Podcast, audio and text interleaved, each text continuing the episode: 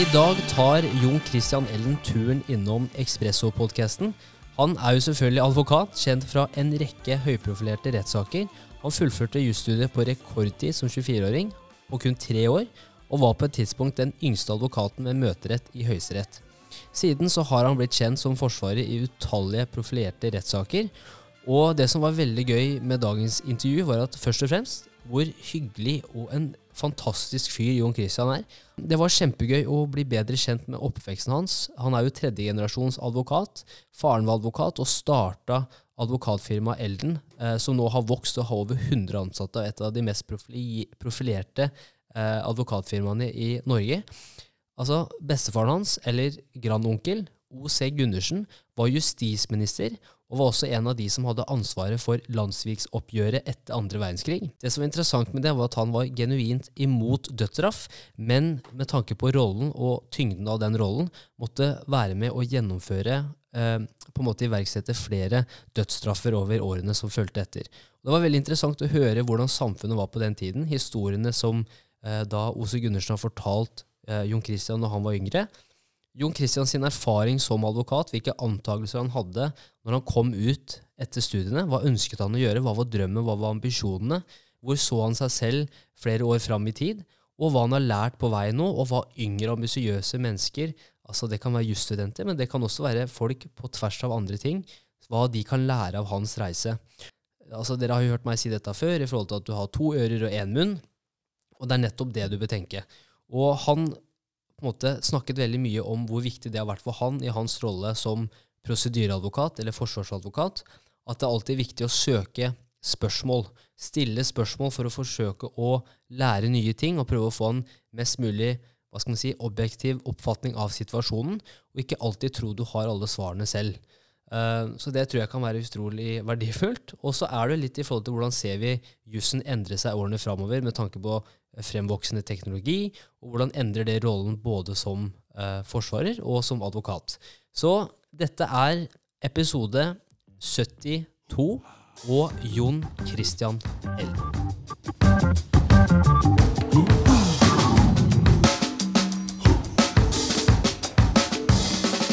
Her med Jon Christian Elden. Hallo. Hei på deg. Det var en hyggelig introduksjon. Yes. Hvordan er det å være her så langt? Vi, hadde, vi måtte drive med litt Lars Monsen ut på jakt her for å se om du fant fram. De, vi kom fram til slutt. Ja, Dere har et ganske bortgjemt eh, sted, da, men eh, Yes. jo da, vi fant frem. Yes. Og det er en, det er en stor ære, som sagt, å, å ha det her. Og først og fremst så må vi jo rett og slett spørre hvordan har dagen vært? Har det vært eh, variasjon i dag òg? Jeg veit jo at det er variasjon du liker å ha i ukedagene. Ja, det har vært mye forskjellig i dag. Det har vært, eh, dels har det vært klientsmøter, dels har det vært å jobbe med en sak i Høyesterett om eh, varemerke og varemerkeregistrering, og dels har det vært en tur ut i Follo tingrett ute i Ski og diskutert eh, håndholdte mobiltelefoner og strafferettsforskrifter. Så jo da, det har vært eh, ganske variert i dag også. Men det er, sånne dager, det er, det er hverdagen. At det er såpass stor variasjon og i, i hvordan eh, ukedagene utfaller seg. Ja, er gjerne i noen forskjellige rettssaler hver dag med litt forskjellige typer saker. Og jeg syns jo det er spennende med det er nettopp variasjonene da. Fra å gå med tyngre sivile problemstillinger i Høyesterett til eh, forskrifter i tingretten er eh, spenning i hverdagen. Ja. ja, for det er jo noe du har nevnt eh, veldig ofte, eller mange ganger før også. Variasjon er veldig viktig. Men det er jo selvfølgelig også interessant. Er det noen saker opp gjennom åra som, måte, som, som du er mer interessert i? Altså Er er det også noen e- enkelttemaer som, som du blir dratt mer imot? Altså, det er jo stikkord jeg er ganske opptatt av. Da. Det er stikkord som heter rettssikkerhet. Eh, og veldig mange saker har jo på en måte noe med rettssikkerheten å gjøre. Altså, det er ikke bare sånn spørsmål om det ene eller andre eh, er det riktige resultatet i saken, men det handler om de grunnleggende tingene. Hva er det på en måte mennesker kan forvente seg av rettssystemet? Hva kan man forvente seg av samfunnet? Hvilke minimumskrav skal eh, stilles? Hva skal til for at staten skal gå på deg med straffeforfølging? Og ikke minst på andre siden, som et offer, hvilke krav kan du stille til samfunnet for at din rettssikkerhet eller ditt rettsvern eh, skal ivaretas? Altså de helt grunnleggende problemstillingene. Og de kommer jo borti i veldig, veldig mange saker. Mhm. Og nå har, vært, eh, altså nå har vi vært gjennom en pandemi også. Jeg tenker Dette er litt interessant i forhold til at nå som grensen har åpna opp, så kan jeg tenke at det har blitt flere henvendelser nå som eh, folk er tilbake ute og, og jeg har større sannsynlighet for å havne i problemer. Har dere merka det? Nei, jeg ikke Den store forskjellen det vi merket en lengre periode, det var jo at uh, under pandemien var at det var naturligvis veldig lite utelivsvold og den type ting. fordi det var ikke så særlig uteliv igjen. Nei. Så alt har jo sine effekter når man stenger uh, ned. Uh, men om det var noe mindre kriminalitet totalt sett, det er jeg ikke like overbevist om. kanskje mer flyttet på andre områder. Kanskje det var mer internettkriminalitet for tiden enn det som man hadde tidligere. Ja. Men hvordan var, hvordan var, det å være holdt jeg på å si, forsvarsadvokat gjennom pandemien? Hvordan Merka du noen forskjell? Altså, Altså Selvfølgelig var, ble det mye møter over nett. Var det det den første perioden? Ja, en del rettsmøter ble flyttet fra det virkelige liv til å være via internett, og man fant jo stadig nye internettløsninger. Ingen av dem fungerer spesielt bra til å gjennomføre rettsmøter. Altså, det er noe eget å være i rettssalen og se folk i hvitøyet, for å si det sånn. Det får du ikke til via en eh, dataoverføring. Eh, saker hvor du ikke har noe vitneførsel og sånt, det, det, er sikkert helt greit. Eh, men jeg gleder meg til å være tilbake igjen til full, full hverdag. Ja. Er det noe du ser eh, har, på en måte, kommer til å endre seg etter det vi har sett gjennom pandemien? Har, har på en måte rettssystemet lært noe som har gjort at man har blitt flinkere til å håndtere ulike typer prosesser og sånn? Ja, så Man har i hvert fall fått en god del reserveløsninger og backup-løsninger. Eh, så det er klart at jeg vil nok se for meg at kommer man i situasjoner hvor man har et sykt vitne, altså et eller annet sånt som måtte skje, så er det ikke sikkert at hele saken blir avlyst. Man har alternativ, man har muligheter man kan gå frem.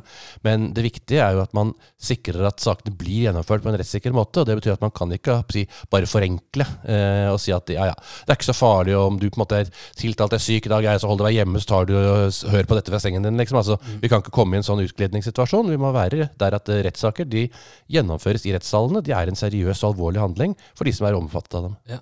Og de gangene du har måttet formidle over nett også, for det er jo som du sier, det er noe spesielt med å faktisk kunne se altså se folka du adresserer også inn i øyet og kunne formidle en historie. Så hvordan, hvordan var det de gangene du også måtte gjøre det over nett? Det blir fjernere. Ja. Eh, det verste er jo når du skal avhøre vitner over eh, nett, og særlig kanskje litt type motvillige vitner, altså de som du må dra ting eh, ut av. Det var en lei tendens til at de plutselig falt ut og fikk tekniske problemer midt i et vanskelig spørsmål, og kom tilbake fem minutter etter, ja. og da hadde de et veldig enkelt og greit svar. Den er fin. Den er fin å bruke sånn hvis det er det. Jeg kjører inn i en tunnel her nå, beklager. Mm. Uh, Så det, er, det, er ikke spesielt egnet for rettssaker hvor man skal prøve å danne seg inntrykk og bilder av, av vitner utover det de faktisk sier. Ja, og der er det påbud med kamera og altså, hvor er det Ja, altså, Vi har jo hatt det i loven vår, at man skal ta opp ved vitnemål i hvert fall lyd, og helst bilde også, i ganske mange år. Men uh, foreløpig har jo ikke Stortinget bevilget penger til det, så vi får jo vente når det kommer, da. Ja. Og så rett og slett det med formidling også. Uh, for det er også noe jeg ville prate litt om i dag. at uh, for eksempel, Jeg har jo snakka med flere personer som har sett deg i aksjon.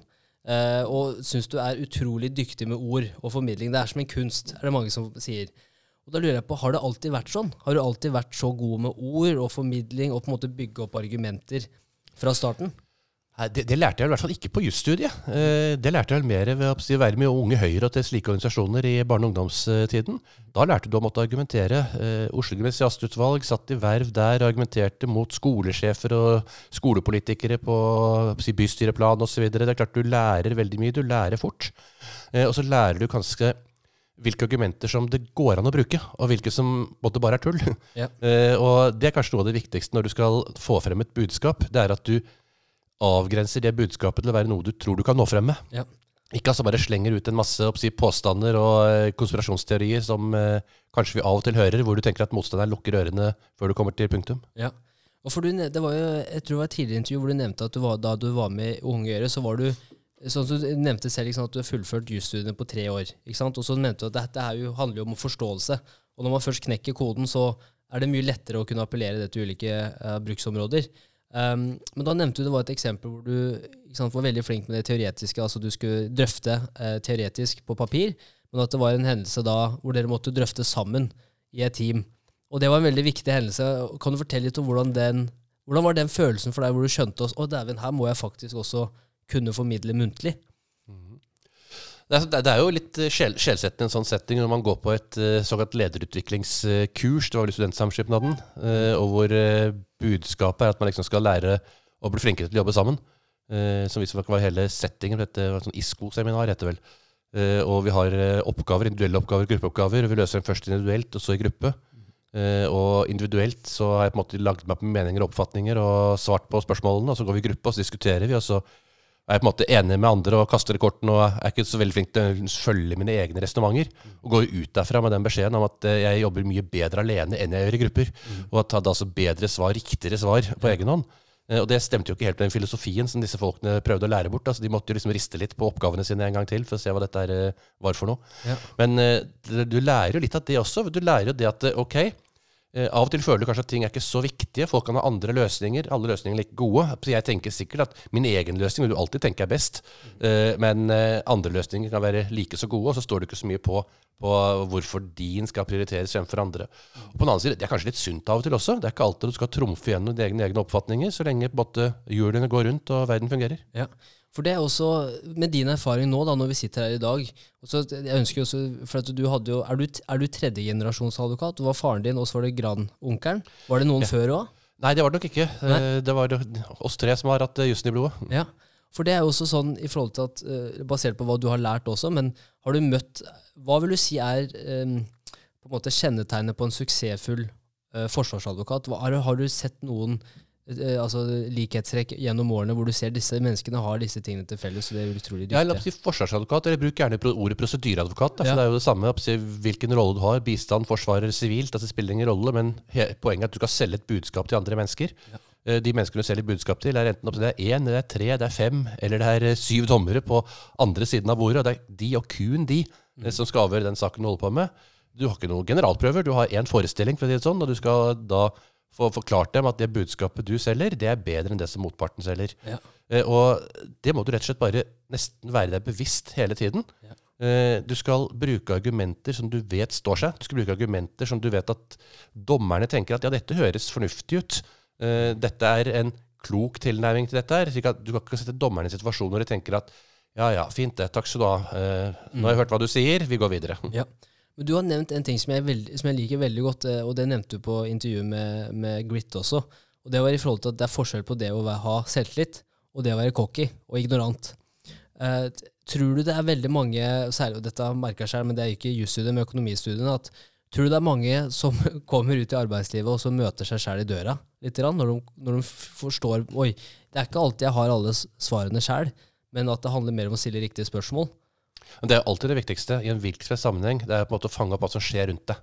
Så en ting er det som er de, de du snakker til, fange opp hva er de interessert i. Enten fordi de sier det med ord, de stiller spørsmål, de leder i en bestemt retning, eller at du må på en måte ha lært deg det på forhånd. Eh, Det er mye viktigere å vite hva dommerne dine er interessert i og opptatt av av problemstillinger, enn hva du har lyst til å selge dem eh, på egen hånd. Så det er klart Du må alltid tilpasse et budskap eh, til det som er interessant å motta. Ja. Eh, Det er noe av det man lærer. Og da må du også fange opp da, eh, hva, hva skal et slikt budskap bestå av. Ikke sant? Altså At du eh, ikke bare slenger rundt deg med se- selvlærte ting eller med selvhøytideligheter. Er det noen ganger hvor eh, ditt eget ego har fått seg et støkk? Har, har det vært noen hendelser, særlig de yngre årene, hvor du har på en måte, hva skal man si, altså du har sett verden på én måte, men så gjennom en, la oss si, eh, en rettsprosess har Uh, på en måte at ego har fått seg et støkk? Har det skjedd? Og ja, det skjer nok ofte, del, kanskje begge veier, fordi at jeg kan ha en oppfatning om en sak. Uh, Det kan være seg, si, jeg tar, hvis du har straffesak igjen, det kan være enten skyld eller uskyld, alt ettersom. Eh, Du gjennomfører en forhandling, og du har ganske bestemt oppfatning når du går inn i saken, men den oppfatningen kan være ganske annerledes når du går ut av saken. Eh, Og da må du være villig til å ta inn over deg eh, at ting endrer seg underveis. Og det er klart, det er du ikke alltid i oppsiden når du starter et arbeid eller en ung alder og har skrevet eh, den og stikkord på forhånd, at dette er det du skal ha frem. Så er det ikke alltid du hører hva som skjer i den rettssalen du er i, og fanger opp det som blir fortalt av vitner og andre, på den måten som en uavhengig dommer som ikke har hørt saken før, naturlig fanger opp med en gang. Og da går det ofte i en felle, ikke sant? hvis du på en måte tror at bildet ser ut sånn som du vil det skal se ut, i stedet for sånn som andre oppfatter det. Ja.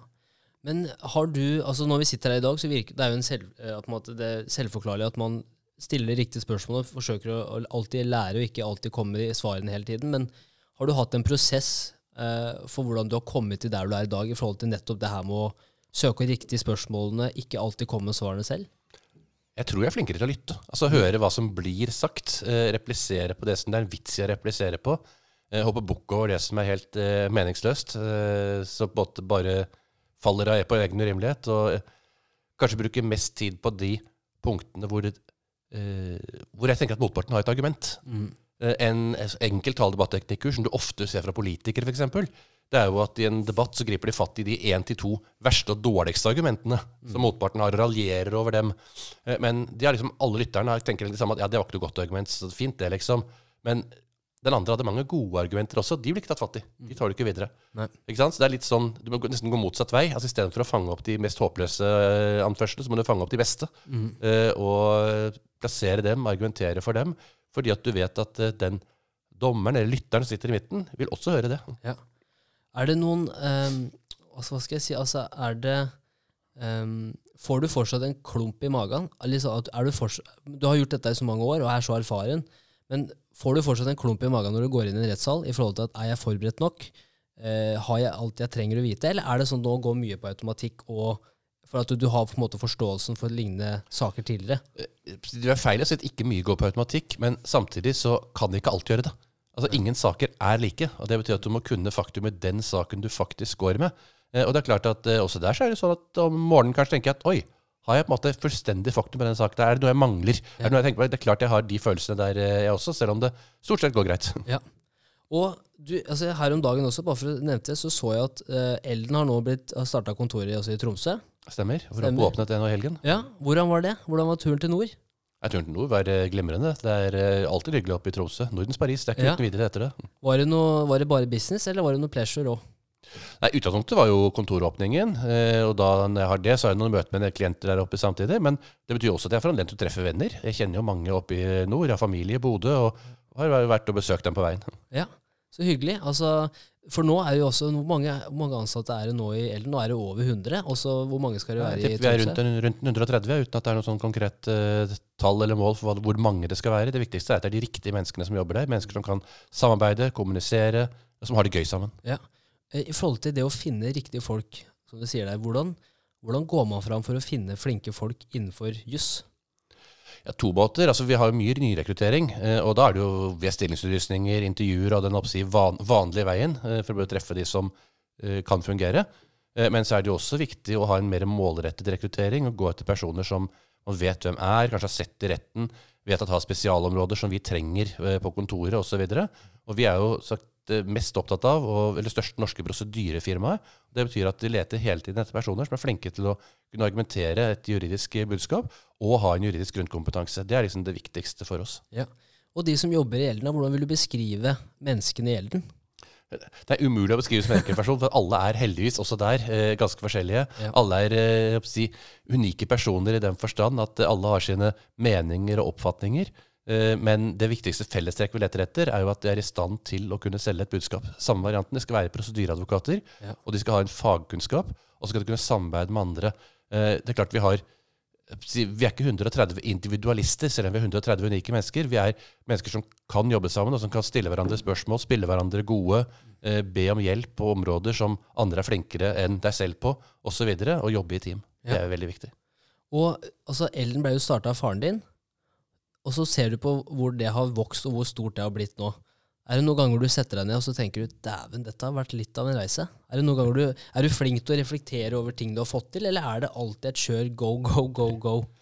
Det var vel sånn cirka for, for 100 personer siden omtrent. Ja. Så hadde jeg en oppfatning av at nå skulle vi ikke bli større. Nå, nå holder det, liksom. fordi at nå har jeg så vidt det er oversikten over hva som skjer på kontoret, og følte at liksom, det var noe, jeg- noe jeg ga fra meg. Ja.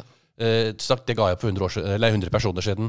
Eh, så jeg sitter ikke med noen total oversikt over hva som skjer på kontoret nå. Nå er vi avhengig av datasystemer og annet. Uh, og det hender at ofte at jeg leser i avisen om saker som kontoret vårt arbeider med, uten at jeg vet noe om dem Ja. på forhånd. Men sånn må det jo også være når man er såpass mange og driver på forskjellige områder. Ja.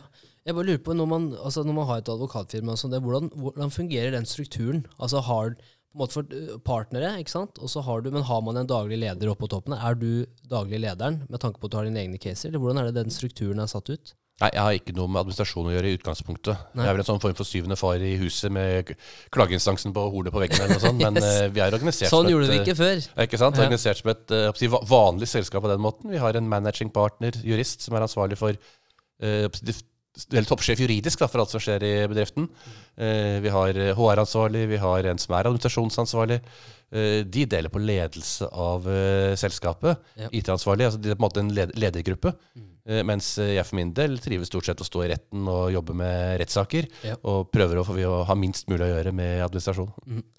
Og med tanke på at du er da altså tredje generasjons holdt jeg på å si, advokat og gått jusveien også. Jeg husker jo, eh, når jeg leste en artikkel om, om et intervju med deg også, at du gikk jo uh, retninger med juss fordi at det gir deg flere muligheter. Du er ikke låst til én spesifikk, retning, f.eks. legestudien, som du nevnte. Mm. Uh, hvordan var de samtalene når du vokste opp med, med grandonkelen og, og fattern når satt rundt bordet? Hvordan Gikk det hardt for seg? Var det harde, sterke meninger, eller hvordan, hvordan var det? Det hendte jo det at vi diskuterte veldig konkrete saker. Men eh, det som særlig fra grandonkelen min side da var best, eh, eller som jeg likte best, var at han kom jo aldri med løsninger på dem han stilte spørsmål. Ja. Eh, og så ga han veldig mye føringer i spørsmålene sine, jeg, men de måtte jeg tenke meg frem til selv. Ja. Og det var den måten han fikk meg interessert i faget på. ikke sant? Ved å på en måte reise problemstillinger og uh, få meg til å ta drøftelser med meg selv, hvor han deltok i diskusjonen. Mm. Uh, og Samme tror jeg også med faren min. Han har aldri presset på at jeg liksom skal ta jusstudiet, skal gjøre sånn og sånn. Men han kom ofte hjem og fortalte om si, morsomme saker, altså rettssaker og andre ting han hadde holdt på med, som gjorde at det, dette høres så veldig spennende ut. Ja. Så, og Fordelen med jusstudiet igjen, sagt, er at du kan gjennomføre studiet. Altså, du behøver ikke vite hva du skal bli når du starter det. Eh, du kan begynne å tenke på det når du er ferdig, for du kan bruke det så veldig mye. Men jeg tenker at hvis du har tenkt å ta et legestudie, så må du jo før du begynner, ha bestemt deg for at det er der du vil ut i andre enden. Ja.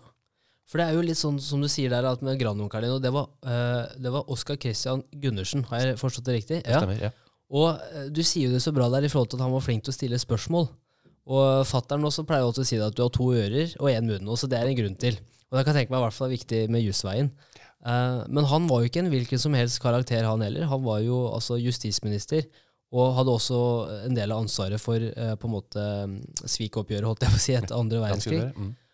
Altså, har du noen, altså hvordan, hvordan, har det vært å være en, en unggutt, vokser opp og hører eh, han fortelle om, om eh, hvordan det gikk da, etter krigen? Altså, jeg har jo følt at jeg har vært med i historien på mange måter. Altså, når måten han har fortalt om alt som skjedde her på, på 40-tallet, mm. eh, like etter krigen, hele landssviksoppgjøret, bruken av dødsstraff, ikke dødsstraff. og jeg pleier ofte å nevne et eksempel han kommer med for å illustrere dette igjen, da, på hvordan han eh, tenker samfunn. Eh, når jeg snakker om dødsstraff, eh, så er det noe som han prinsipielt sett var mot, og alltid har vært mot, og var mot da han eh, døde. Men eh, han måtte likevel gjennomføre ganske mange dødsstraffer i 45, 46, 47 i forbindelse med langsiktighetsoppgjøret. Eh, før de fra 1948 bare sa stopp, at heretter er det ingen som henrettes, uansett hva de blir dømt til. Vi benåder dem, og de blir sittende livstid. og det, Da var det liksom greit. Mm. Men han sa også det at hvis han eller tanken det hadde både han og regjeringen, var at hvis de hadde begynt å benåde folk, f.eks. Quisling i 45, ikke skyte han, putte han i fengsel i stedet for, mm. Rinnan, Trondheim og en del av disse som faktisk ble henrettet, mm. så ville det blitt en revolt i samfunnet. Altså Da ville på en måte folket stormet Akershus festning og revet han ut og hengt han i galgen, liksom. Altså mer den tankegangen, uten tiltro og tillit til eh, rettsvesenet, til regjeringen, til Stortinget, fordi at de ikke fulgte opp i den innledende fasen. Mm. Eh, men så la jo dette seg etter hvert, og da var det mer forsvarlig å følge prinsippene igjen og si at nå er det på en måte, Nå må samfunnet akseptere at uh, man tar ikke liv for å vise folk at det er feil å ta liv. Mm. Jeg kan jo tenke meg at det der må ha vært en utrolig vanskelig oppgave. Ja, og det var det som imponerer meg også, men måten han forteller det på, som, sånn, som gjør at jeg får det til å føle det som en selvfølge. Ja. Selv om det jo er langt fra en selvfølge. Altså, det, liksom, det, er nesten umulig å forstå. Ja, For det der er også, liksom, som du sa, da, gå mot dine egne verdier, da, om du vil at dette er noe jeg helt står imot, men samtidig så har jeg et ansvar overfor samfunnet.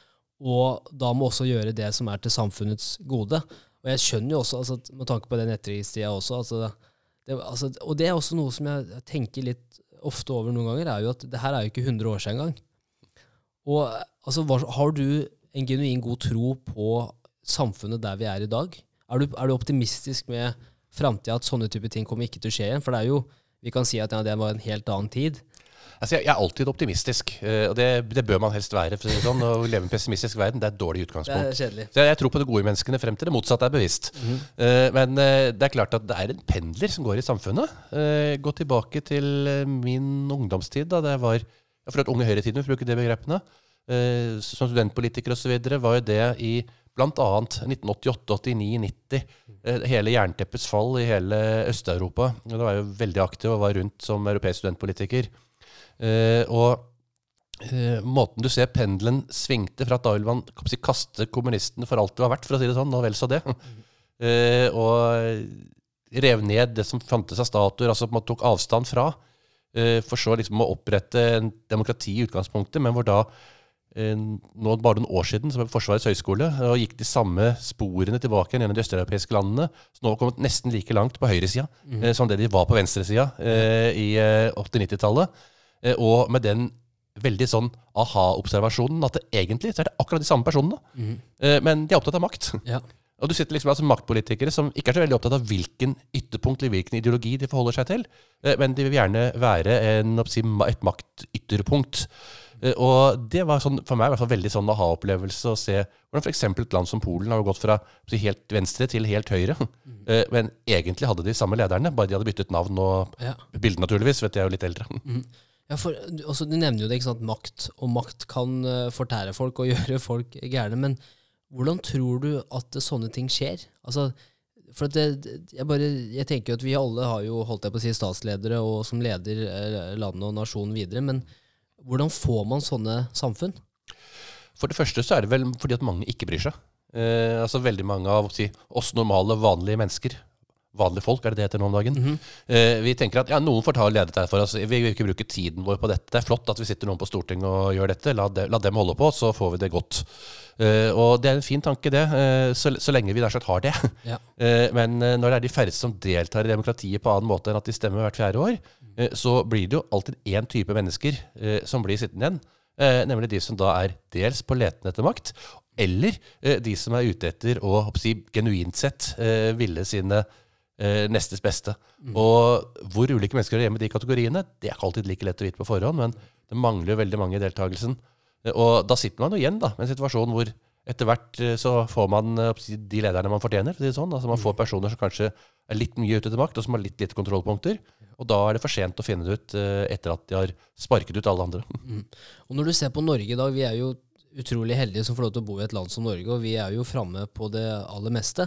Men eh, når du ser det som skjer, det er jo et lett eksempel å bruke det som skjer i USA f.eks., hvor man har så nettopp det du sier da, venstresida og høyresida blir blir det blir oss mot dem. Enten så er du med oss, eller så er du mot oss. I Norge så virker det fortsatt som, selv hvis man er uenig, så har man en evne til å være uenig og diskutere om det. Du så jo det etter stortingsvalget nå sist. altså Norge er unikt. Et av de beste bildene som jeg kan lukke øynene og se for meg, eh, Ja. det er jo skiftet av statsråd i Utenriksdepartementet. Mm. hvor altså da Ingvar Eriksen, Anniken Huitfeldt, Ja. som da på en måte vært i motsatt posisjon frem til da, snudde rollene sine Ja. eh, og ga hverandre en så inderlig god klem. Altså, på en måte, det lyste godhet av den fra begge to sin side. Det var ikke noe sånn eh, maktarroganse, skråstrek, ha-ha, nå har jeg kasta deg ut-variant på noen som helst måte. Det, det er sånn vi vil ha det. Ja. Mens hvis jeg, jeg kan gå til Polen, og det er et moteksempel der, eh, hvor du eh, I realiteten sitter du med en maktkamp i Polen i dag mellom to store partier, nemlig det polske Høyre og det polske Fremskrittspartiet, eh, som driver og slåss seg imellom om hvem som ha makten til enhver tid. og hvor det er veldig mye flertallsavgjørelser. altså slik at I det øyeblikket en av de to partiene har flertall, så er alle andre kicka ut. Ja. Eh, Og omvendt. og Da får man en helt annen type samfunn. Og det er ikke sikkert at det er det som eh, er best verken for oss eller for Polen. Nei. Hvorfor tror du vi har det så bra i Norge? Eller hva, hva, hva tror du er grunnen til at Norge alltid kommer ut av det altså, Vi kan jo bare se gjennom la oss si, pandemien da, som et eksempel. Selvfølgelig, altså, Man skal ikke kødde med arbeidsledighet og, og det som faktisk har vært, men Norge har jo fortsatt kommet veldig godt ut av det, og det er jo bare nok et eksempel på at Norge ser ut til å gjøre de riktige valga. Hvordan, hvordan, hvorfor tror du vi har et så bra samfunn? Som Høyremann må jeg si at vi har hatt en glimrende regjering de siste åtte årene. yes. ikke det som er svaret Yes, på det spørsmålet? Det er notert. Men, det eh, er så notert. da, da kan vi gå videre. Da Ja. kan vi gå videre. Neste sak. Men jeg kan si det på en annen måte. Det er jo fordi at vi er et lite land, eh, og det er kanskje vel så viktig. Eh, Vi er ikke der hvor alle kjenner alle, eh, men vi er der hvor veldig mange kjenner veldig mange på en positiv måte. Altså slik at eh, det er ikke så mye som gjøres i dølgsmål skjult. Man er mer åpne, man ser hverandre i kortene. Eh, Det tror jeg er ganske sunt i et, eh, en politisk eh, verden. Og så er det ikke de store uenighetene. Vi har fløypartier, det skal vi ha, og de skal på en måte dra alle oss andre i ørene. Men de fleste største partiene i Norge er jo enig i de hovedgrunntrekkene. Altså demokrati, rettssikkerhet, rettsvern, altså sånne ting. Liksom. Altså, grunnloven ble jo enstemmig vedtatt senest nå i 2014, når man reviderte den. Altså, steder hvor andre land kan være i dype nasjonale konflikter, så har vi en grunnleggende enighet. Og det tror jeg er ganske sunt for hvordan samfunnet drives videre. Ja. Vi fikk et nytt statsbudsjett nå tre uker etter at det forrige ble lagt frem. Eh, Det er klart det er symbolendringer, men hele grunnprinsippet i statsbudsjettet, totalrammen, lå helt fast fra den ene til den andre regjeringen. Eh, Og det er bra at vi ikke har altfor mye bevegelser eh, ved at man skal snu samfunnet opp ned ved hvert valg. Men sånn som i USA, for eksempel, så har du da demokratene og republikanerne. Og i Norge, som du sier, da har også fløyepartiene, men vi har jo så mange partier på Stortinget også. Kan det bli en tendens til å bli for mange kokker, mye søl? Eller liksom, hvordan ser man på det?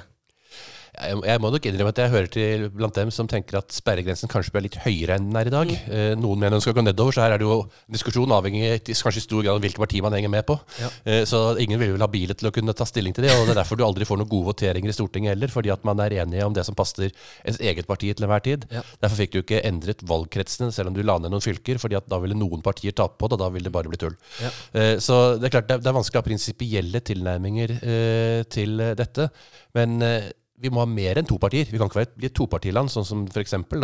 USA og for så dels også England er, ja. hvor man har enkeltstående valgkretser med enkeltpersoner. Vi må ha mer enn det. Vi må ha et uh, spillerom, og vi må ha en si, partifauna å forholde oss til. Mm. Uh, men uh, det er ikke sikkert at man behøver så mange partier på Stortinget som man har fått til det siste valget. Nei. Og så er det jo sånn, selvfølgelig Når man har fire år på å gjøre endringer, så kan det jo fort virke som at man gjør endringer som gjør at man selv ser bra ut på den tida. Og Derfor kan det også være utfordrende å sikre langsiktig endring. Da. Og Som du sier, sånn som med Polen nå, for eksempel, da, eller også som det virker i USA, at man, man, tenker makt, det er posisjon, det er mye lobbyvirksomhet for å måte, få fram de tinga som gjør at det, eh, vi ser bra ut, kommer ut av dette bra. Men tror du det også kan være utfordrende når det er såpass For fire år går jo veldig fort når du mm. bruker de første ett og et halvt året på overlapping og bare get up to speed. Ja, men jeg tror at Noe av det som er sunt med den norske politiske verden, det er at uh, uansett hvem som sitter i regjering, Eh, så forsøker man så langt som mulig å få en såkalt tverrpolitisk enighet på det man kaller viktige spørsmål og langsiktige spørsmål og reformer. Mm. Og det, det, det er sånn, altså, Regjeringen har jo på en måte alltid en av form for flertall på Stortinget og kan trumfe gjennom veldig mye hvis man ønsker det.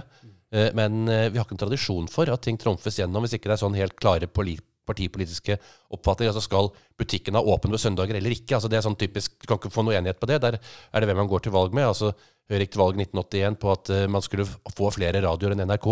Uh, nå har vi jo masse podkaster i tillegg. Mm. Men altså, det er my mye sånne ting som var, er enten-eller-spørsmål. Uh, men f.eks. pensjonsreformer, ting som har, er av viktighet for hele befolkningen og lang tid fremover, går man jo veldig langt for å bli enige om, i stedet for å trumfe gjennom det som ser ut som uenighet i utgangspunktet. Mm. Det er sunt med det norske demokratiet. Ja.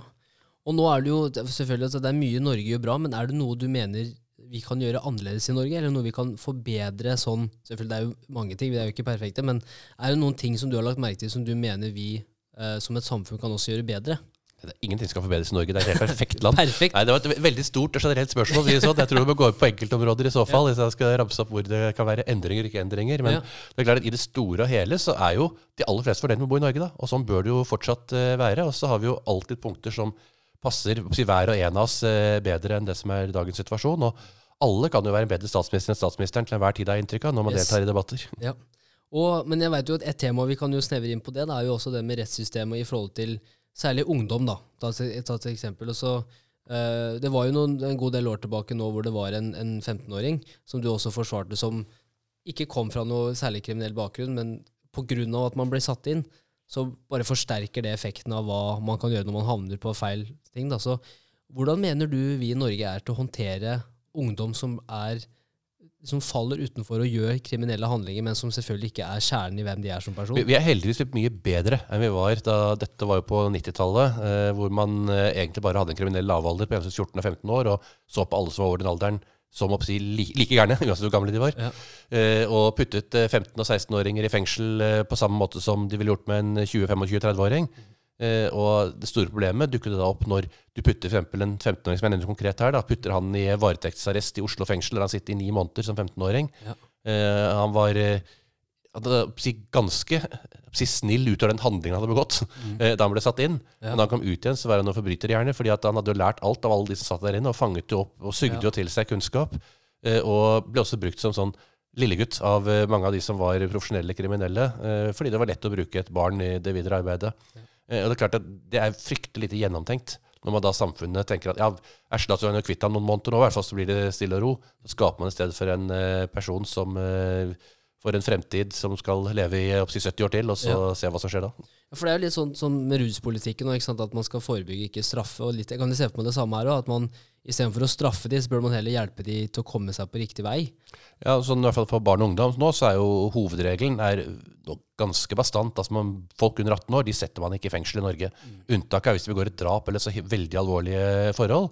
Men ellers så prøver man jo alt man kan å finne alternativer til fengselsstraff. Og hvis man må på en måte frihetsprøve bør inne, så gjør man det sammen med andre barn. Eh, egne anstalter, egne avdelinger. Ikke putte dem sammen med eh, kriminelle lærere. Eh, så det er klart man har lært noe av den delen. Eh, Og neste skritt er jo dette du sier med rusmisbrukere. altså hvilken grad hjelper det å putte rusmisbrukere i fengsel? Hva skal de lære av det? Skal de lære å ikke være syke?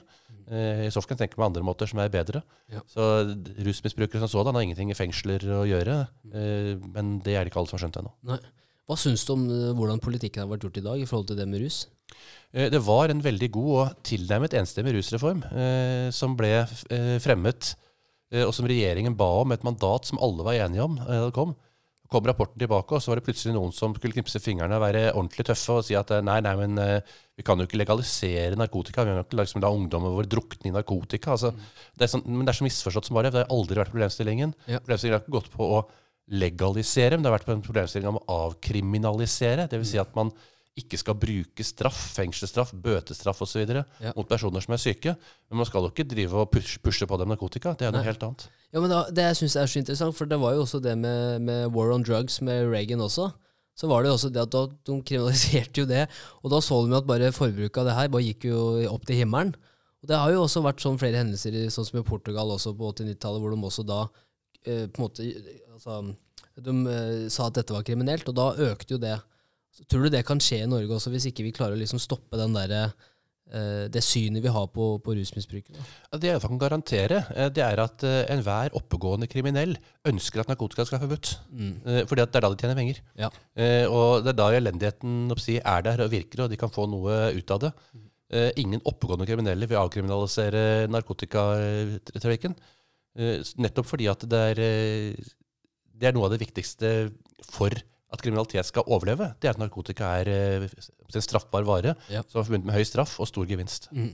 Så det blir ikke noe rusmonopol med det første, sånn som vi har Vinmonopolet?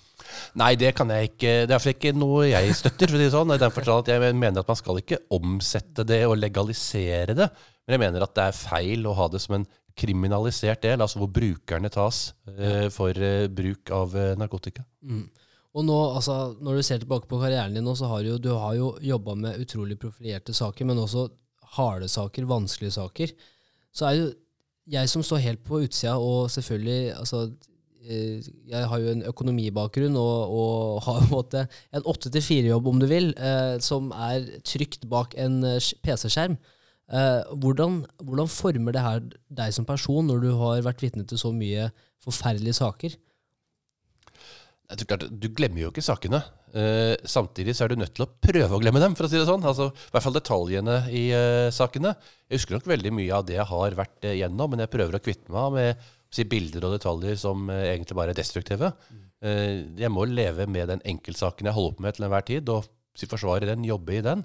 eh, og ikke henge igjen i gamle saker. Og det er nok også litt viktig med saker du har hatt i systemet og er blitt ferdig med.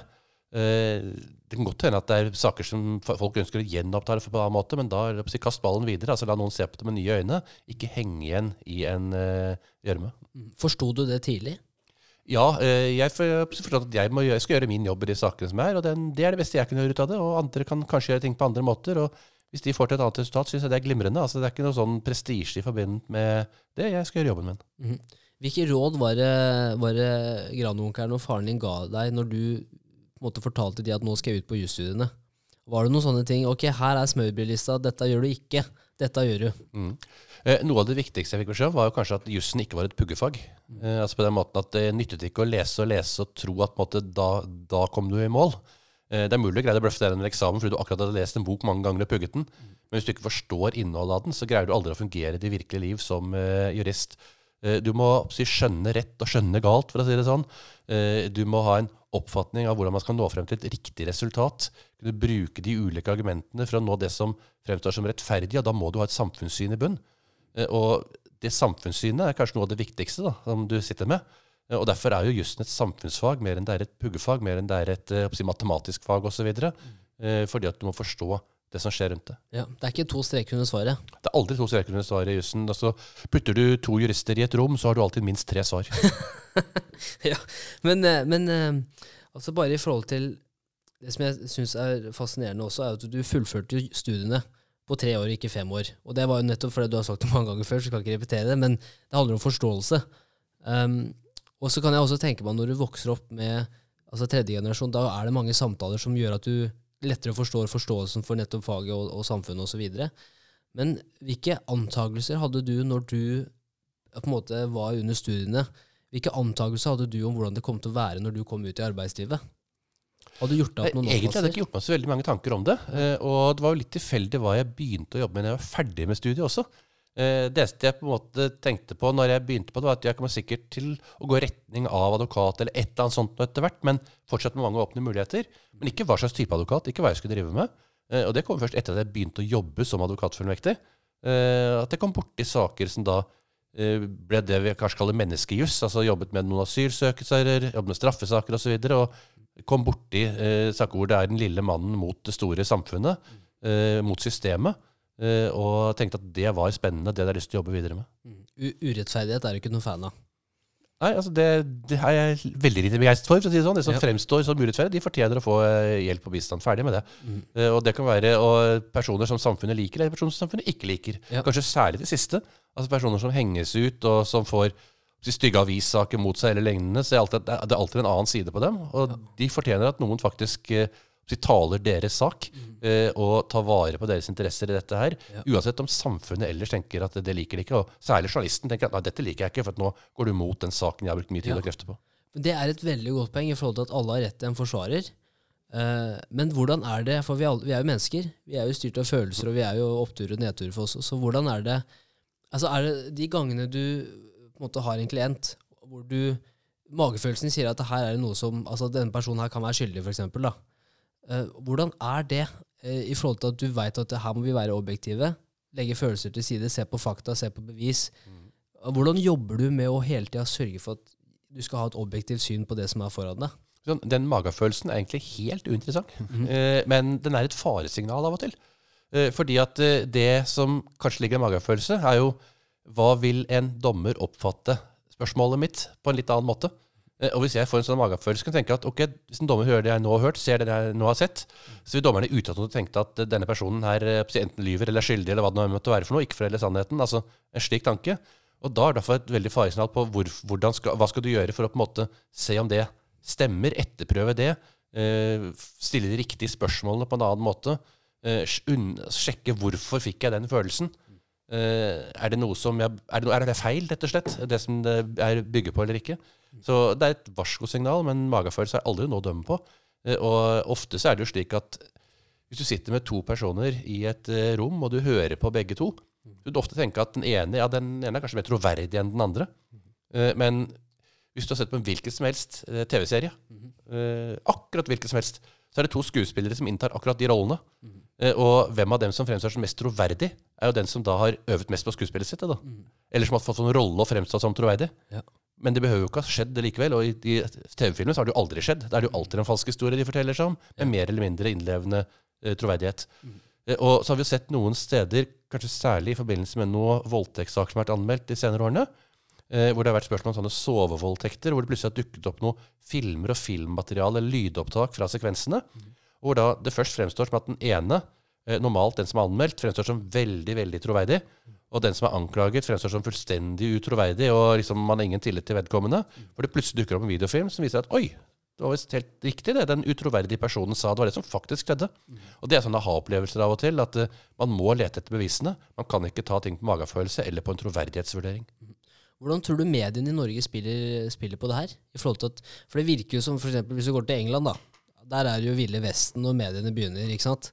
Der er det jo der er det, altså der, De skriver jo altså det ene og det andre om enkeltpersoner, eh, selskaper Men samtidig har de gjerne gag orders på saker som skal opp i retten. Ja. Eh, som gjør at fra det øyeblikk politiet i England har siktet en person, til det er falt en dom i saken, så har de ikke lov til å skrive om den. Nei. Nettopp fordi de skal ikke påvirke dommerne, domstolen, eh, lekdommere, jurymedlemmer eller annet, ved at avisene lager sine versjoner. Ja, eksempel det som eh, med den eh, politimannen som eh, med hun eh, unge jenta som ble bortført, og så ble hun kutta opp, og hva det ene var for noe. Så var det, jeg husker I begynnelsen så var det veldig mye skrevet om det, men med en gang det her kom fram at det var politimannen, så ble jo Da var Ja, da hadde du liksom en siktet person, og da er det Yes. gag, order. Uh, og det hadde jo aldri skjedd i Norge. I Norge så hadde jo VG og Dagbladet ligget i buskene hver dag fremover og prøvd å lage, skrive mest mulig dritt om denne politimannen som hadde formet både jurymedlemmer og dommere i lang tid før rettssaken starter, på en svært uheldig måte. ja. Så det, det er på en måte sånn systemene er forskjellige. Og pressen i Norge, da, når man, nå har du jo masse erfaring med å engasjere pressen og, og oppdatere pressen underveis. Altså, hvordan, har, du, har det vært noen erfaringer for deg hvor du også har merka at altså, den balansen mellom å opplyse folket, opplyse mediene, men også spille kortene tett i brystet fordi at du har tidligere erfaring, veit at dette kan bli, altså, det kan bli sitert på en feil måte? da. Har, noe, har du hatt noen sånne hendelser hvor du har gått tilbake og tenkt ut, ok, her må vi være litt lurere? Jeg tenker at det er sjeldent lurt å gå ut altfor mye i media på forhånd før en sak, eh, av mange grunner. Altså Én ting er at eh, dommerne skal ikke få føle at de har hørt alle argumentene før, at det ikke kommer frem noe i eh, retten. De skal føle at de er til stede i rettssal hvor de får vite hva som er faktum, hvilke momenter de skal sette sammen. Så under til med forhåndsprosedyre, så er det dummeste du kan gjøre å forhåndsprosedere. Ja. Eh, altså du, du fjerner en eh, typisk nysgjerrighet. De venter bare på ja, når kommer det momentet jeg leste om i VG. da? eh, ikke sant? Og så har de liksom gjort seg en forhåndsoppfatning om at ja, det argumentet jeg leste om der i VG, det tror jeg egentlig ikke på, så om jeg føler det her, så tror jeg ikke noe mer på det her. Eh, ikke sant? Altså, det blir veldig eh, mot sin hensikt. Eh, ingen sak tjener på det, fordi at det blir alltid en skjev vurdering ut fra hva som faktisk skjer i retten. Når vi ser, til, altså ser tilbake på karrieren din og sånn, og, og, og livet generelt, da, altså hva har vært dine viktigste erfaringer? Eller er det vært noen ting som du, du sitter igjen med nå etter, et, etter en, en veldig erfaren karriere, som du mener er viktig for la oss si, yngre, ambisiøse jusstudenter eller folk i 20-årene som ønsker å gå den retningen du har gått? Jeg tenker du iallfall eh, i alle fall si at det er veldig sjelden ting er sånn som det ser ut som. Eh, og det er veldig ofte at det er flere nyanser i både en sak og et faktaforhold enn det som det først presenteres eh, som. Så len deg litt tilbake, eh, og lytt også i de sammenhengene der. Det tror jeg er ganske klokt. Eh, du snakker om en jusstudent kontra den virkelige jusverdenen. Så er jo den største forskjellen eh, er jo at på jusstudiet, når du får eksamensoppgavene, så lærer du alltid første setning. Spekuler ikke i faktum. Ikke? Altså Du skal vise at du forstår jussen. Eh, Når du kommer ut i det virkelige liv, så er det jo egentlig akkurat motsatt. Så at alle som kommer ut av fakultetet, har lært jussen, men de greier jo ikke å putte det på faktum. Nei. Slik at altså, I det virkelige verden så må du etablere et faktum. Du må granske og finne ut av det først. Og så faller kanskje jussen i mye større grad på plass i de aller fleste saker. Ja. Så det er et studie som egentlig motvirker virkeligheten. Ser du, for du nevnte jo det i stad, at på jusstudiene så lærer du jo teorien, men du lærer jo ikke å formidle eh, altså et faktum. da. Hvordan, hvordan ser du det endre seg? Eller ser Vi, du det vi, endre har- seg? dette har vært tatt opp gjennom studiet i mange år nå. og eh, Da jeg gikk på studiet, så var vi ennå i en helt spede begynnelse. At man hadde eh, valgfag og hadde spe- spesialavhandlinger osv. Nå er det obligatorisk. Eh, nå har studentene fått inn mye større grad det at man går i retten, man ser på saker, man har prosedyrekonkurranser. Kanskje noe av det viktigste som skjer på jusstudiet. Eh, om det er eh, ELSA eller Juristforeningen rundt omkring som holder på med dette, eh, så er det der studentene lærer hvordan de kan bruke denne jussen. Eh, og få noe ut av den. Ikke bare på en måte skrive en spesialavhandling eller skrive en oppgave eh, hvor man setter to streker under eh, svaret sitt på siste siden. Ja. Og nå gjennom pandemien, som du nevnte innledningsvis, at nå på en måte har man funnet eh, bedre alternative løsninger hvis ting ikke går som planen originalt. Men hvordan ser du teknologien endre eh, faget? Eh, liksom fem år fram i tid, ti år fram i tid. Hvordan ser du teknologien ble en større del av hverdagen til advokater?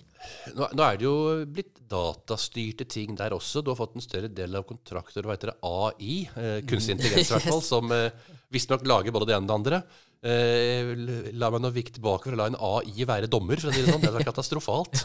Eh, fordi at eh, det er jo siden nettopp den menneskelige hjerne, de menneskelige vurderinger, eh, enten da én som enedommer eller flere sammen, skal treffe den kloke avgjørelser som aldri en datamaskin vil kunne løse på samme måten. Eh, Så jeg håper at vi slipper å få mye av det inn i domstolene. Selv om mange oppgaver underveis, altså hvordan skal en samboerkontrakt se ut osv., putte inn noen faktaopplysninger, du får ut noe i andre enden. Ja da, for all del. Standardkontrakter, sikkert en god idé det også. Men eh, standardløsninger på tvisteløsning tror jeg vil være katastrofalt å prøve på. Det er notert. Det er jo også, og så ser man jo også at med, hvis man bruker kunstigheter i en sånn eh, i dag, da, så er jo veldig ofte så har jo de de samme fordommene, for det er menneskene som har satt de opp også. Så det er jo også om å prøve å fjerne de fordommene som også mennesker dessverre eh, Altså stereotypiene som også mennesker kommer med, som gjør det lettere for de å huske, men også Jo, men samtidig, hvis du fjerner de og prøver å systematisere det enda mer, så blir det jo enda mer stringent på den måten at man fjerner den si, menneskelige faktoren i dette her. Den som du ikke kan peke på, men den som bare er der. Så det jeg ønsket å si nå, er jo først og fremst altså Det har vært kjempegøy å ha deg med, og så veit jeg også at du er en veldig Dette er jo andre gangen, så jeg må bare si det igjen, Jon Christer. Jeg setter utrolig stor pris på at du, du gir meg forsøk nummer to. Første gang var jeg sjuk. Eh, men det må også sies, jeg må avklare det, at jeg har ikke gjort noe kriminelt for å få Jon Christian hit i dag. Dette var rett og slett en invitasjon, bare sånn du vet jo aldri med, med folk i dag. Ja, Du kan få lov til å la det være det siste ordet, så skal jeg si noe mer. Ingen kommentar. Det er veldig bra forsvarsprosedyreadvokat her, rett og slett. Så det siste spørsmålet jeg vil bare spørre da, Kristian. Har det vært gøy å være med i dag? Det er klart det er kjempegøy å være med på sånne ting som dette her. Ja.